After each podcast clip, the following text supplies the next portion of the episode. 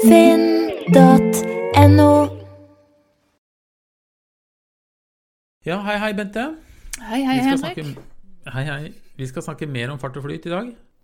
Ja, i dag skal vi snakke mer om fart og flyt, og eh, undertema flaskehalser. Den gangen skal vi snakke om flaskehalser, ja. Og øh, kan du da kanskje forklare hva en flaskehals er for noe? Ja, det kan jeg prøve på. Eh, en flaskehals det er det trinnet i en prosess som har lavest takt. Og hvis dere har hørt podkasten om Littles Lov, hvor vi snakker om takt, så er definisjonen på takt altså eh, hvor ofte det kommer noe ut, noe som er ferdig av en prosess. Men i dette tilfellet så er det eh, altså hvor ofte noe kommer ut av flaskehalsen. Så du sa var altså at en flaskehals er det trinnet med lavest takt. Med lavest takt. Kommer Men hvorfor er sjeldnest noe ut? Ja. Men hvorfor er det viktig å finne flaskehalsen? Eh, en egenskap ved flaskehalsen det er at det er den som bestemmer takten for hele prosessen. Det er jo litt finurlig å tenke på. Mm, ja. Så det betyr at hvis vi skal forbedre takten i hele prosessen, så er det altså flaskehalsen er det stedet vi må øke takten. Ja, det er faktisk det eneste trinnet det er noe vits i å drive med noe forbedringsarbeid i det hele tatt. For det er kun den, eh, det trinnet som vil påvirke farten på hele prosessen. Ja, det forenkler jo situasjonen en god del. Da. For hvis vi har en prosess på 20 steg, så er det altså bare ett av de stegene som vi egentlig er interessert i å, å gjøre noe med. Ja, det er egentlig en eh, åpenbaring å tenke på at det er bare ett steg du trenger å bry deg om i første omgang. Men hvordan finner vi flaskehalsen? Jo, det er også ganske enkelt, i hvert fall hvis man har, eh, driver med fysiske ting. Fordi at eh, foran en flaskehals så vil du se en kø. Så i, etter en kø så vil du finne en flaskehals.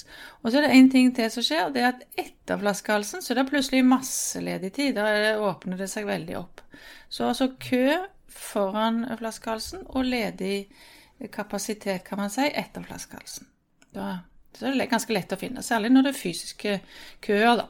Ja, for når, du, for når vi definerer flaskehals, så sier at flaskehalsen er det trinnet med lavest takt. I praksis så er det veldig sjelden vi ser at noen står og regner ut takten. Det går fint han gjør det, men det er ikke så vanskelig. Det er bare å lete etter køen på den siden, og ledige hender, ledig kapasitet den andre. Mellom her er det en flaskehals. Ja. Dette er jo veldig lett å se når vi kjører bil på en vei, en motorvei, to felter, god flyt i trafikken, og så plutselig er det veiarbeid, innsnevring til ett felt. Da får vi kø. Før denne innsnevringen. Etter innsnevringen, når det går opp til to felter igjen, så er det god plass. Så det er bare kampen i bånn. Det er en god illustrasjon på, på, et, eh, på en flaskehals. Men kø, vi snakker om kø nå. Det er jo ord vi ofte kanskje ikke bruker så mye. Hvorfor er egentlig kø et problem? Jo, men tenk deg hvis du ser for deg en kø. Det er ikke så mye bevegelse i en kø. Det står mer eller mindre stille, i hvert fall. Og temaet her er jo fart og flyt. Så i fart og flyt vil vi ha bevegelse. Så hvis vi ønsker at en prosess skal gå fortere, så må vi få bevegelse i de delene av prosessen hvor det står stille. Så kø altså vil vi ikke ha, fordi at vi må få eh, bevegelse. Så mye bevegelse som mulig i køen. Så for å generalisere købegrepet litt, så er det at kø er stillstand. Dvs. Si at ting står stille. Det skjer ikke noe verdiskapende med det vi jobber med. Nei, står jo bare og venter. Står i en kø. Vi gjør ingenting. Ja. Får ikke så mye ut av det. Nei. Så kø er det motsatte av fart og flyt. Ja. Men eh, å skjønne poenget med flaskehalser er lett når vi snakker om veitrafikk, f.eks. Så det er enklest å se det, og, og vi ser det kanskje hver dag til og med. Men har vi noen flaskehalser i vår organisasjon? ja, det er en ting til med flaskehalser, og det er at de fins alltid. Alle prosesser har en flaskehals, for det er alltid ett trinn som har lavere takt enn de andre. Så selvfølgelig, vi har også flaskehalser i Finn og i alle andre prosesser og organisasjoner. Eh, Det er jo litt rart med oss i Finn, og sikkert andre steder også. Det, vi har jo en tendens til å organisere fram disse flaskehalsene. Har du lagt merke til det? Ja, vi omorganiserer av og til. Og det vi må prøve å unngå, da, er jo å organisere oss til permanente flaskehalser. Dvs. Si flaskehalser som, vil, som er umulig å gjøre noe med. Eh, Og det kan vi vel si så mye at eh, akkurat i vår organisasjon så er vi ikke så veldig flinke på fart og flyt. Det er andre som er mye flinkere, har skjønt dette mye bedre enn oss. Og det er lettere å finne gode eksempler på dette utenfor vår organisasjon. Eh, Og vi trenger ikke gå særlig langt heller. Det Stikkordet er jo at så lenge køene er synlige, så blir man ofte veldig flink til å håndtere det. Og vi har jo tidligere brukt eksempler eh, fra vår egen matbutikk. Eh, og jeg syns det er vel kanskje eh, veldig gode eksempler på hvordan man håndterer kø. Ja, de er ekstremt gode på det. De ser jo køen og vil jo veldig gjerne ha folk som kommer tilbake i butikken. Så, og folk syns det er kjedelig å stå i kø. Så de har skjønt at det her, dette må de kunne. Og som regel så ser vi jo køene ved kassene. Det er ved kassene det blir kø, og det betyr jo da i denne sammenhengen at det er som regel kassa som er flaskehalsen. Ja. Og i en butikk, du sa det jo, eh, kø er et problem. Folk blir sure i kø. Og har du konkurrenter i nærheten, og du ser det er en butikk som er full av folk og masse kø, så går du heller i en annen butikk. Så kø er et økonomisk tap for en matbutikk, med konkurranse i hvert fall. Så Så hva gjør de da? Ja, hva gjør de egentlig? Det er jo litt magisk. Du, når køen bare blir lang nok, så plinger de i et eller annet, eh, en klokke eller noe sånt, og så kommer det folk fram og setter seg i de kassene som ikke er bemanna.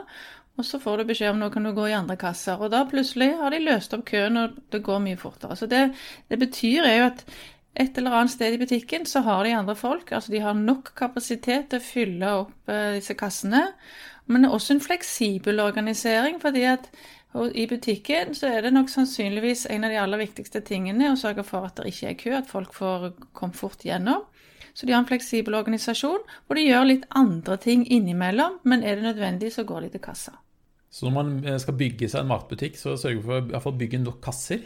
Og eh, ha nok folk i butikken til å bemanne kassene dersom det er behov for det. Ja, og de har jo Og- til og med begynt med selvbetjening og så videre, så det er jo også flere, enda flere kasser uh, mulig. Men det de gjør da fra et ledelsesperspektiv, er jo at de bruker kølengde som en KPI Mm. for fart og flyt. Så når køen blir over en viss lengde, så ringer de med klokke, og så skjer det noe. Men Dette er jo et banalt eksempel, kanskje, men det fungerer jo fantastisk. Eh, Dette er jo en liten, en matbutikk er jo en ganske liten og veldig lite kompleks organisasjon. Så eh, det er her vi jobber, så er det jo en mye mye større organisasjon og mye mer kompleks eh, måte å jobbe på. Men prinsippet er jo det samme. Det er flaskehalsen som bestemmer takten. Og trikset hvis du har en stor organisasjon, er jo å organisere oss i relativt små team som kan jobbe uavhengig av hverandre. Det er måten å skape fart og flyt på når vi er mange.